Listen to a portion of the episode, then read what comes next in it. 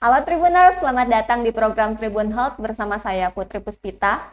Ya, ya Tribuners, akhir-akhir ini cuaca di Bandung memang lagi agak nggak menentu ya. Siang hari itu bisa panas banget, dan pas malam cuacanya langsung berubah drastis jadi dingin. Dan kebanyakan nih, udah banyak juga nih yang mengeluh, mereka banyak yang sakit tenggorokan, jadi batuk-batuk, dan juga uh, banyak kekhawatiran karena juga munculnya virus baru Omicron yang jadi banyak perbincangan masyarakat saat ini.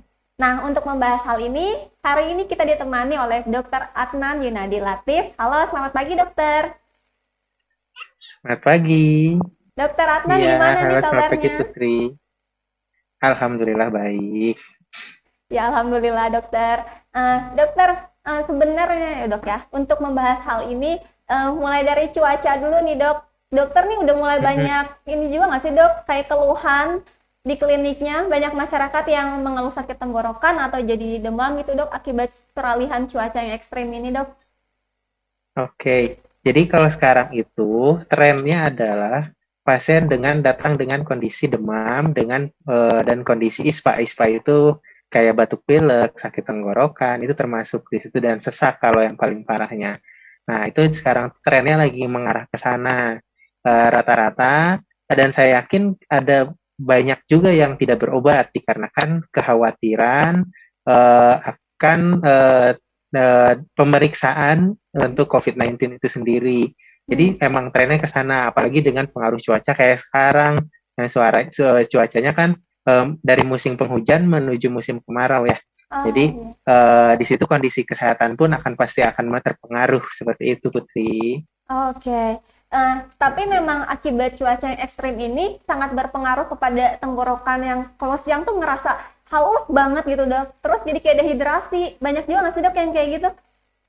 Betul, banyak sekali. Karena kan itu perubahan cuaca itu mempengaruhi uh, kebutuhan cairan dalam tubuh sehingga produksi uh, cairan itu sangat diperlukan uh, secara berlebih. Itu lebih dibutuhkan akhirnya orang yang jarang minum, orang yang kurang minum, orang yang minumnya kurang dari 80 gelas dalam satu hari itu pasti akan merasakan uh, kehausan, kehausan apalagi uh, sampai uh, tenggorokan terasa kering. Akhirnya di situlah jadi ladang bakteri untuk menyerang, imunitas turun, bakteri menyerang, akhirnya bakteri ataupun virus itu menyerang, akhirnya terjadilah yang dinamakan gejala ISPA itu sendiri.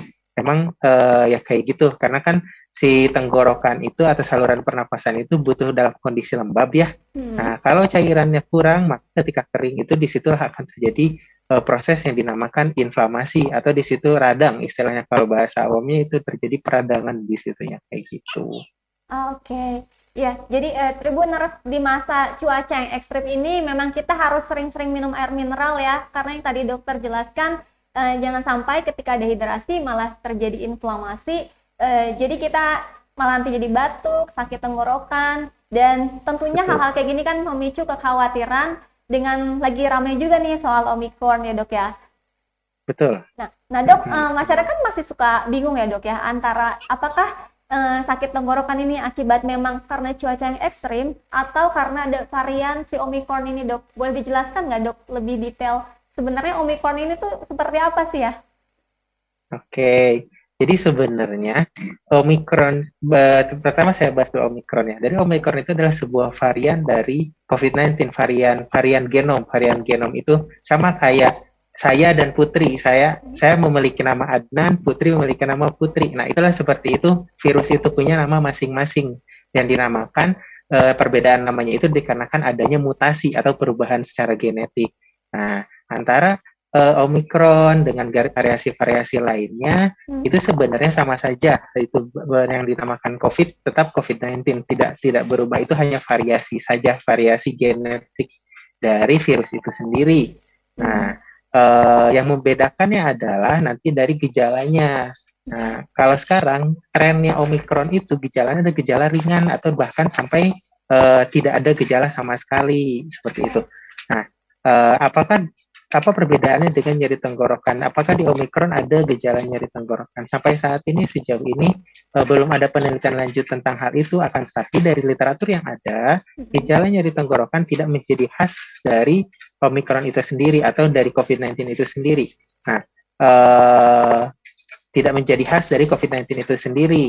Akan tapi kalau nyeri tenggorokan itu lebih khas menjadi gejala eh, panas dalam atau di- dikatakan dalam bahasa medisnya itu faringitis akut seperti itu. Hmm. Nah, Eh, untuk ge- gejala-gejala dari Omikron itu sendiri justru lebih cenderung ke batuk dan pilek. Jadi selama tidak ada batuk dan pilek sebenarnya eh, tidak masalah dan untuk Omikron itu sendiri berbeda dengan varian variasi sebelumnya yaitu varian Delta. Ya. Eh, itu Omikron, Omikron itu memiliki gejala yang lebih ringan seperti itu. Kalau Delta itu kan bisa sampai gejala sampai berat. Kalau sekarang untuk Omikron itu masih gejala ringan. Jadi untuk masyarakat itu sebenarnya tidak jangan terlalu khawatir, tapi jangan juga sampai lengah seperti itu.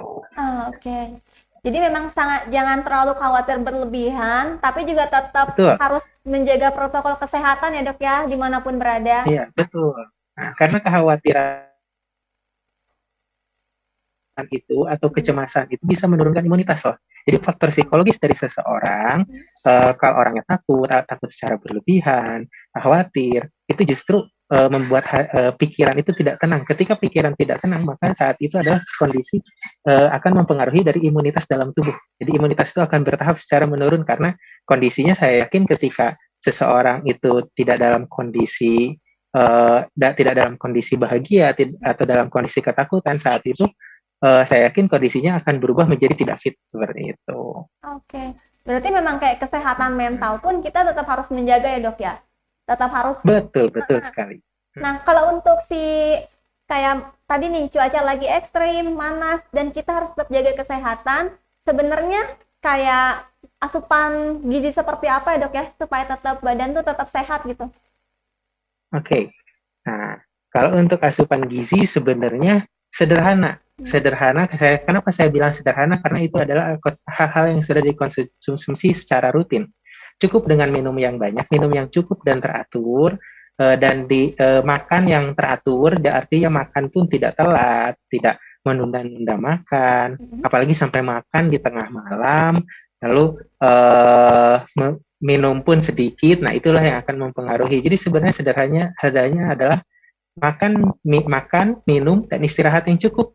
Jadi apa yang sudah kita lakukan itu sebenarnya eh, kalau dilakukan dengan baik akan meningkatkan imunitas itu sendiri. Apalagi plusnya ditambah olahraga, ditambah dengan mengkonsumsi buah-buahan, mengkonsumsi sayuran yang banyak. Nah, itu akan makin mem- mem- makin mempengaruhi imunitas, makin kuat imunitasnya.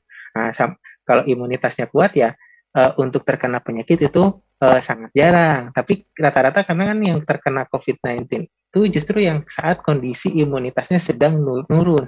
Kayak gitu bukan eh, dalam artian eh, bisa jadi badan ngerasa fit tapi pikiran eh, banyak pikiran, banyak masalah atau sebaliknya pikirannya tenang tapi badan kelelahan, kecapean, makan tidak teratur, minum tidak teratur, akhirnya terkena penyakit. Terkena penyakit baik itu tidak hanya COVID saja. Eh, baik sih banyak penyakit-penyakit lain yang akan mempengaruhinya seperti itu, Putri. Oke, wah, ini jelas banget ya penjelasan saat dari Dokter Adnan. Padahal tadi eh, si asupan gizi makanan yang kita konsumsi setiap hari juga mudah ditemukan di kehidupan sehari di kehidupan sehari-hari ya dok ya. Hmm, hmm. Nah kalau Sebenarnya hmm, eh, mudah kayak gitu kalau untuk menjaga imunitas itu. Jadi terkadang orang merasa susah, merasa susahnya karena eh, mindset. Kalau mindsetnya diubah ya saya yakin segala hal itu akan jadi mudah kayak gitu. Nah, kalau untuk ini dok, kan ketika cuaca panas, kadang eh, ketika kita mau beraktivitas tuh udah kayak keburu lemes duluan gitu, kayak ah, paparan sinar mataharinya terlalu kuat banget nih dan membuat Hmm. tubuh kita tuh jadi lemes dan malah nggak Hmm. produktif nih dok. Nah, itu eh, bagaimana dok ya dampaknya untuk tubuh kita supaya tetap bisa tetap fit gitu? Nah, kalau dampaknya jelas seperti dijelaskan. Kalau bagaimana cara fitnya, ya itu tadi memperbanyak konsumsi. eh, kalau eh, tata laksana pertamanya atau tindakan pertamanya adalah minum yang banyak. Minum yang banyak. Minum air putih, bukan air eh, yang bersifat kayak yang teh atau kopi. Tapi itu air putih, air biasa, air mineral biasa itu yang baik minum yang banyak itu adalah sebagai tindakan pertama ketika kita kondisi dalam kelelahan. Baru kalau kondisinya sudah mulai nyaman, mulai enak, baru mulai makan. Jangan didahului oleh kalau udah kondisinya kecapean sangat berat, apalagi di, udah ada gejala istilah kalau kitanya tuh bahasa Sundanya itu gejala salatri ya. Iya. Nah, eh, itu jangan jangan langsung dipaksakan untuk makan pertama kali. Jadi jangan karena tubuh tidak akan siap. Saya yakin akan terjadi muntah kayak gitu. Nah, justru minum dulu, minum dulu sedikit demi sedikit. Mulai ketika minum udah enak, uh, si konsum ke kondisi tubuh udah mulai terbiasa, baru di situlah mulai makan kayak gitu. Karena uh, kita tubuh itu sama kayak manusia, sama kayak orang ya. Segala sesuatu ketika terjadi perubahan butuh adaptasi. Oh, Gitu. Apa uh, sama kayak kalau Putri misalkan uh, antara pacar yang sekarang sama mantannya Oh kan my gitu. Uh, antara butuh adaptasi, betul tidak, Putri? Nah, sama kayak gitu. Jadi tubuh juga ketika terjadi perubahan butuh adaptasi seperti itu. Ya biasanya kan orang kan suka memaksakan ya dok ya, padahal udah nggak bisa tetap dipaksain. Maksudnya gini dok, Nah. ya kayak salatri tadi, kayak salatri tuh Iya. eh, kita tuh kadang oh harus lapar banget nih, langsung comot makanan apa pun yang ada di depan kita Nah. gitu dok. Nah, Padahal itu hal yang salah sebenarnya seperti itu. Oke, berarti memang harus semuanya butuh adaptasi ya dok ya. Betul. Iya, bertahap. Ini Hmm. kayak gitu. Apalagi kondisinya udah ini. Makanya kalau ke, mau merasakan hal seperti itu, Hmm. eh, eh, harus teratur, makan teratur, minum teratur. Jadi tidak akan merasakan hal yang tadi katakan. Cuma kalau terjadi ya kira-kira seperti itulah tindakan pertamanya. Ah, Mm-mm. Eh, kadang juga ini juga menarik sih dok. Orang-orang tuh ketika ngerasa si badannya udah nggak enak badan nih, tapi mereka tuh tetap memaksakan diri. Oh enggak, enggak kok nggak sakit. Kebanyakan kenapa ya masyarakat kita tuh lebih kayak nggak ngedengerin si isi kata hati badannya gitu dok? Itulah dilemanya gitu. Rata-rata orang memaksakan diri untuk seperti contoh dalam kondisi bekerja. Ya. Dia eh, mungkin dalam kondisi kesulitan untuk mengkonsumsi makanan atau minuman. Nah, orang akan cenderung memaksakan dan berusaha saya bisa, saya bisa, saya bisa gitu. Ya tidak masalah sebenarnya. Cuma masalahnya adalah ketika eh, itu sudah terjadi secara beker- berkepanjangan dan berkelanjutan. Dalam artian eh, tidak hanya terjadi eh, hari itu saja, tapi hari-hari berikutnya terus seperti itu, seperti itu. Akhirnya apa efeknya? Efeknya secara fisikal dia akan mempengaruhi. Contoh, contoh sederhananya adalah, adalah asam lambung. Jadi Hmm. ada orang yang dia tidak pernah terkena penyakit mah atau penyakit eh, gastritis, Ya. penyakit mah. Nah, tapi karena dia merasa aman-aman saja, terus makan ya udah ma- karena merasa dirinya kuat, akhirnya makan ditunda, Eh, makan sehari cuma satu kali, akhirnya karena si lambungnya sudah terkikis oleh asam lambungnya itu sendiri, karena asam lambung kan naik ketika kondisi perut lapar, makanya ketika Hmm. Perut lapar itu kekerbekan istilahnya, ada Iya. eh, kekerbekan, makanya itulah itu dinamakan asam lambungnya. Nah, asam lambung itu akan mengikis dari lambungnya itu sendiri. Nah, lambung lah ketika lambung terkikis, akhirnya orang yang awalnya sebenarnya tidak ada riwayat sakit mah, tapi karena kebiasaannya sendiri itu jadi jatuhnya sakit mah kayak gitu. Nah, kenapa masyarakat lebih cenderung kayak gitu ya? Rata-rata ya karena kepaksa, karena kepaksa, kepaksa faktor pekerjaan, Mm-mm. karena eh, butuh kayak itu akhirnya dipaksakanlah tubuh itu untuk bekerja. Akhirnya ya ada istilah eh, muncullah istilah di masyarakat itu eh apa cara eh, kerja kerja kerja tipes kayak gitu. Karena Iya, orang kan kerja kerja kerja istirahat. Kalau kalau sekarang malah muncul istilah seperti itu kerja kerja kerja akhirnya tipes kerja lagi tipes lagi kayak gitu. Karena kan kita memaksakan itulah. Ya dari situ kita harus sebenarnya menjaga kesehatan kita masing-masing. Seperti itu. Putri kira-kira ya Oke, wah penjelasannya seru juga nih dok. Tadi ini soal yang tadi juga dokter bicara soal kayak asam lambung ya dok ya. Terus kayak kebanyakan orang tuh karena mungkin trennya lagi pada senang minum kopi, jadi orang-orang setelah capek minum kopi dulu baru makan ya dok ya. betul Mm-mm. Padahal kebiasaan seperti itu sebaiknya dirubah juga ya dok ya untuk si generasi kita kita. Iya, betul. Itu harus diubah. Karena apa? Kopi itu pekat. Hmm. Eh, sedangkan kondisi tubuh sedang kondisi asam. Ketika kopi masuk, maka perut akan makin asam. Karena kepekatan dari kopi tersebut. Ya. Kayak gitu. Nah, sebenarnya gak masalah ka- untuk orang itu meminum kopi, minum teh tidak masalah. Tapi diimbangi dengan meminum air mineral yang banyak. Kayak Hmm. gitu. Karena eh, ca- kop- karena kopi itu pekat berarti artinya adalah kadar cairannya itu sedikit. Ya. Nah, karena kadar cairannya itu sedikit, maka yang diserap oleh tubuh semakin sedikit. Ah, Kayak ya. gitu. Nah, akhirnya lah eh, akhirnya eh, orang terjadi dehidrasi, orang terjadi eh, apa? eh, dehidrasi, orang terjadi eh, hipertensi karena itu eh, semua berawal sebenarnya dari konsumsi cairan yang sedikit karena nggak ada eh, cairan yang cukup untuk sampai masuk ke pembuluh darah kayak gitu. Hmm. Karena kan cairan yang kita minum itu akan masuk ke pembuluh darah ya. Sedangkan pembuluh darah itu digunakan eh, apa? Dia akan mengantarkan oksigen ke seluruh tubuh atau energi ke seluruh tubuh. Kalau misalkan airnya sedikit, gimana caranya? Eh, eh, maka eh, si darah pun akan ikut pekat. Darah akan ikut pekat, maka kerja dari eh, jantung akan semakin kuat. Akhirnya akan berefek ke berkepanjangan. Mungkin tidak terasa ketika saat masih muda, tapi Hmm. akan terasa nanti ketika sudah menjelang usia tua. Karena eh, harusnya eh, penurunan akan terjadi penurunan kinerja lebih cepat daripada biasanya. Karena kan sebenarnya kalau usia tua itu terjadi penurunan kinerja organ ya. Mm-mm. Nah, nah, eh, tapi kalau pada orang-orang yang tidak menjaga, itu penurunan kinerjanya itu akan terjadi lebih cepat karena dia udah biasa overwork. Tubuh itu udah biasa overwork karena kebiasaannya itu sendiri kayak gitu. Oke. Wah, jadi untuk para tribuners nih yang memang senang atau doyan minum kopi setiap hari, pastikan makan dulu isi sama nasi karena kita kan nggak bisa ya kalau nggak makan nasi gitu tiap hari. Betul. Suka jadi kayak Orang Sunda gitu mah dok? utama. Kok setelah minum kopi? Ya, Ya kalau setelah minum kopi Iya, tuh betul. kadang, iya jadi tremor gitu ya. Ah, iya betul karena ada efek dari eh, kandungan kafein juga akan mempengaruhi eh, tremor. Itu eh, ada pengaruhnya istilahnya dari kafein itu sendiri kayak gitu. Nah, oke dok. Eh, kalau tadi balik lagi nih ke cuaca yang ekstrim, eh, ini nggak sih dok sebaiknya kayak pas lagi kayak kita sakit panas dalam atau batuk-batuk, memang kita harus mengkonsumsi obat tertentu atau bisa dibantu juga nih sama kayak minuman yang lain atau yang bisa dibuat di rumah? Apa ada rekomendasi dok? Oke, kalau untuk itu saya sen- lebih senang membagi dua hal. Jadi ada hal yang bersifat konsumtif, konsum apa eh, bisa dikonsumsi, ada yang bisa dikonsumsi banyak.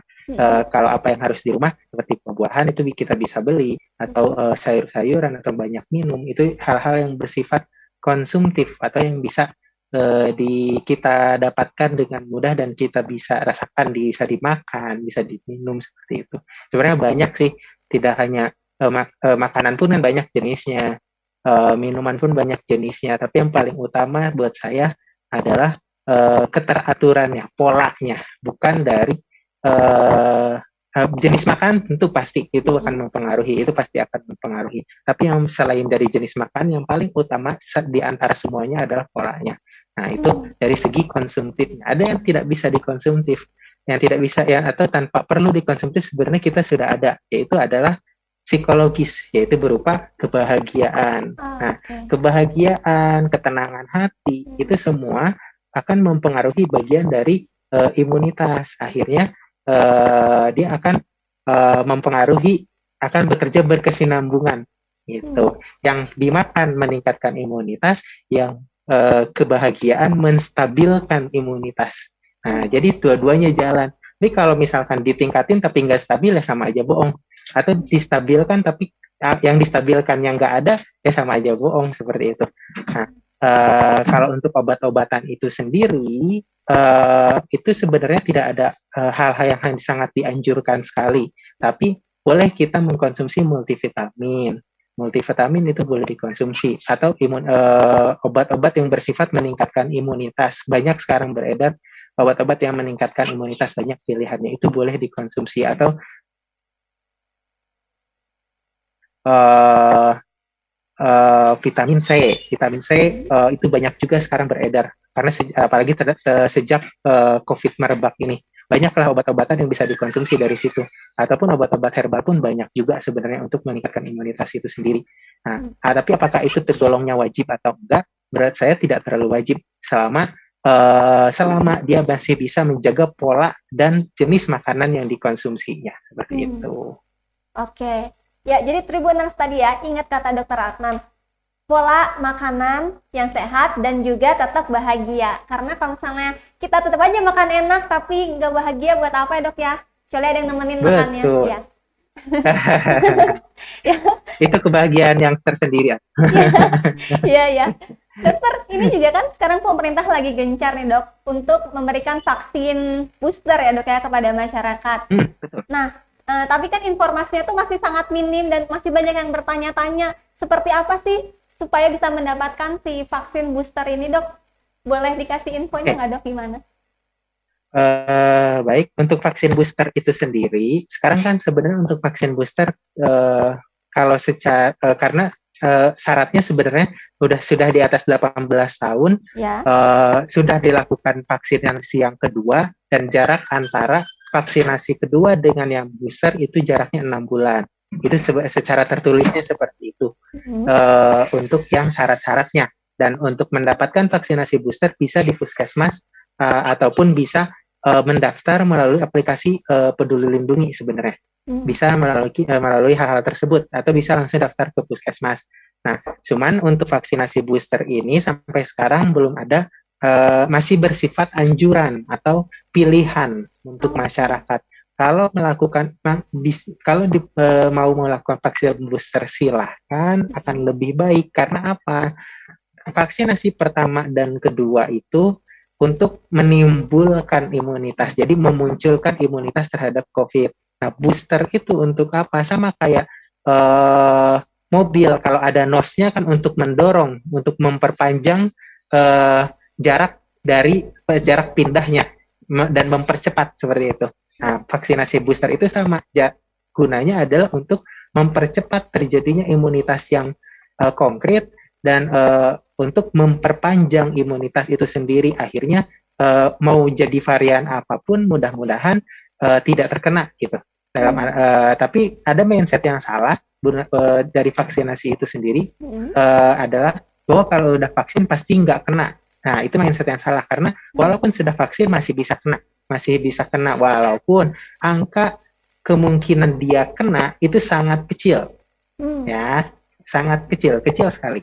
Tapi ada kemungkinan kena ada eh, sekitar sampai 5% tapi beda dengan orang yang tidak divaksin sama sekali itu angka kenanya adalah 90% jadi timpang.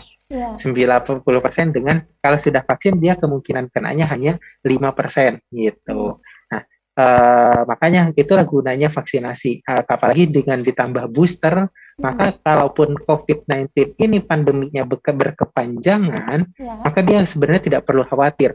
Selama kalau sudah divaksinasi booster ya selama Hmm. masker dan imunitasnya dijaga. Masker tetap terpakai imunitas tetap terjaga. Seperti itu. Itu yang paling penting sih eh, untuk vaksinasi booster ini. Oke. Tapi kalau untuk jenis boosternya sendiri, kita tuh bisa memilih atau memang sudah dipilihin seperti yang awal, dok? Jenis vaksinnya. nah oke untuk jenis vaksin boosternya itu ada dua pilihan nantinya ada yang homogen homogen itu artinya misalkan pertama kita pertama dan kedua dikasih Sinovac Hmm. maka yang ketiganya boleh dikasih Sinovac. Atau heterogen heterogen itu yang misalkan pertama pertama dan kedua dikasih Sinovac. Maka yang ketiga pilihannya ada AstraZeneca, Pfizer sama Moderna. Nah itu yang heterogen. Jadi eh, mau maupun berbeda mau berbeda ataupun eh, misalkan sama itu nggak masalah. Karena emang programnya dalam program vaksinasi booster itu ada dua jenis dua jenis pilihan baik yang itu homogen ataupun heterogen kayak gitu Oke, ya Hmm. jadi informasinya semoga nih Tribuners yang menonton nggak akan bingung lagi nih gimana caranya. Karena memang tadi kata dokter kita bisa cek dulu ya si eh, aplikasi Peduli Lindungi dan cek nanti puskesmas mana nih yang bisa kita datangi ya puskesmas ya. terdekat ya Hmm. betul ke puskesmas terdekat di masing-masing tempat tinggal Dan eh, Tribuners juga harus ingat ya, ketika kita mencoba melindungi diri sendiri, setidaknya kita bisa melindungi orang-orang lain nih yang mereka nggak bisa mendapatkan vaksin juga ya dok ya. ya betul Mm-mm.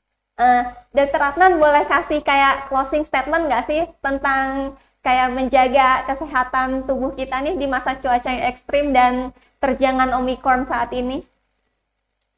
Oke, eh, jadi sebenarnya eh, hal- hal-hal yang tadi disebutkan itu sudah merangkum apa, sudah menjadi bagian dari uh, untuk menjaga kita dari segala penyakit, dari berbagai penyakit, dari beragam penyakit. Nah, dengan pola-pola hidup tersebut, makan, minum, istirahat, olahraga, nah, olahraga tambahan.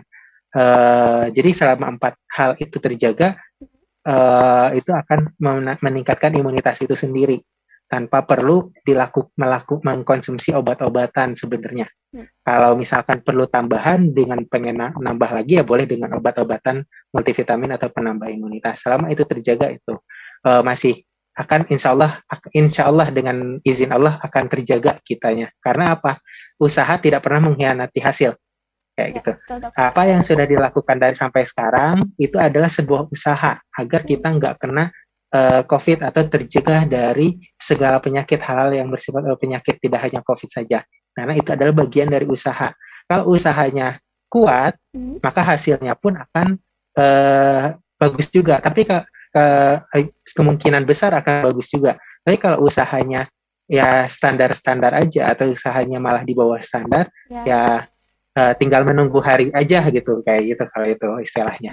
Nah, yeah. Ya. uh, yang yang paling penting buat saya karena sekarang tuh yang menjadi musuh musuh kami sebagai tenaga kesehatan mm-hmm. itu adalah uh, media sosial oh. buat kami iya. makanya yeah. buat saya saran untuk masyarakat di sini bagi para pen, eh, yang menonton ataupun yang mendengarkan itu saran untuk selalu update uh, berita atau update hal-hal yang bersifat dengan kesehatan berta boleh bertanya kepada ahlinya ataupun boleh update melalui media-media massa yang terpercaya atau tersertifikasi. Jangan sampai dari broadcast-broadcast WA mengiyakan broadcast WA. Yeah. Kata si teman ini, si teman pun kata si teman ini, kata si teman akhirnya eh, teman-teman te dari teman dari teman dari teman saya. Nah, jadi kan bercabang itu pasti akan berubah redaksinya.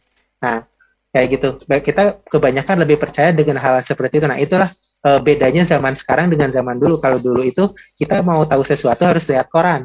Yeah. Kita mau tahu kabar dunia harus lihat koran. Kalau sekarang kan mudah, tapi saking mudahnya orang mudah ter uh, apa namanya? mudah terbelokkan oleh eh, berita-berita yang bersifat hoax kayak gitu. Hmm. Makanya saran saya sebenarnya untuk masyarakat, untuk para pendengar di sini, uh, mangga uh, dengarkan media-media massa yang bersifat terpercaya. Salah satunya boleh dari Tribun, dari Tribun Jabar ataupun media-media massa lainnya. Ini Tribun Jabar merupakan uh, salah satu media yang uh, terpercaya juga, kayak gitu. Makanya jangan sampai uh, kita terbiasa mendengarkan berita-berita yang tidak terverifikasi dengan baik. Nah, itu saran saya karena karena itu akan merusak segala hal, merusak segala hal yang sudah disusun rencananya dari awal untuk menuntaskan pandemi ini ataupun penyakit-penyakit lainnya. Seperti itu kira-kira Putri. Wah, terima kasih dokter. Hmm. Tepuk tangan dulu. dokter, dokter Adnan, terima kasih loh waktunya udah mau memberikan informasi yang sangat akurat kepada para tribuners kali ini. Iya, hmm, sama-sama. Semoga minggu depan kita ketemu bisa ngobrol lagi ya dok ya di program Tribun Health. Oh, boleh, insya Allah. ya. Kalau ada waktu, insya Allah. Iya. Ya dok, uh, uh, untuk program Tribun Health kali ini, ya Tribuners untuk program Tribun Health kali ini, uh, saya Putri Puspita pamit undur diri sampai ketemu di minggu depan.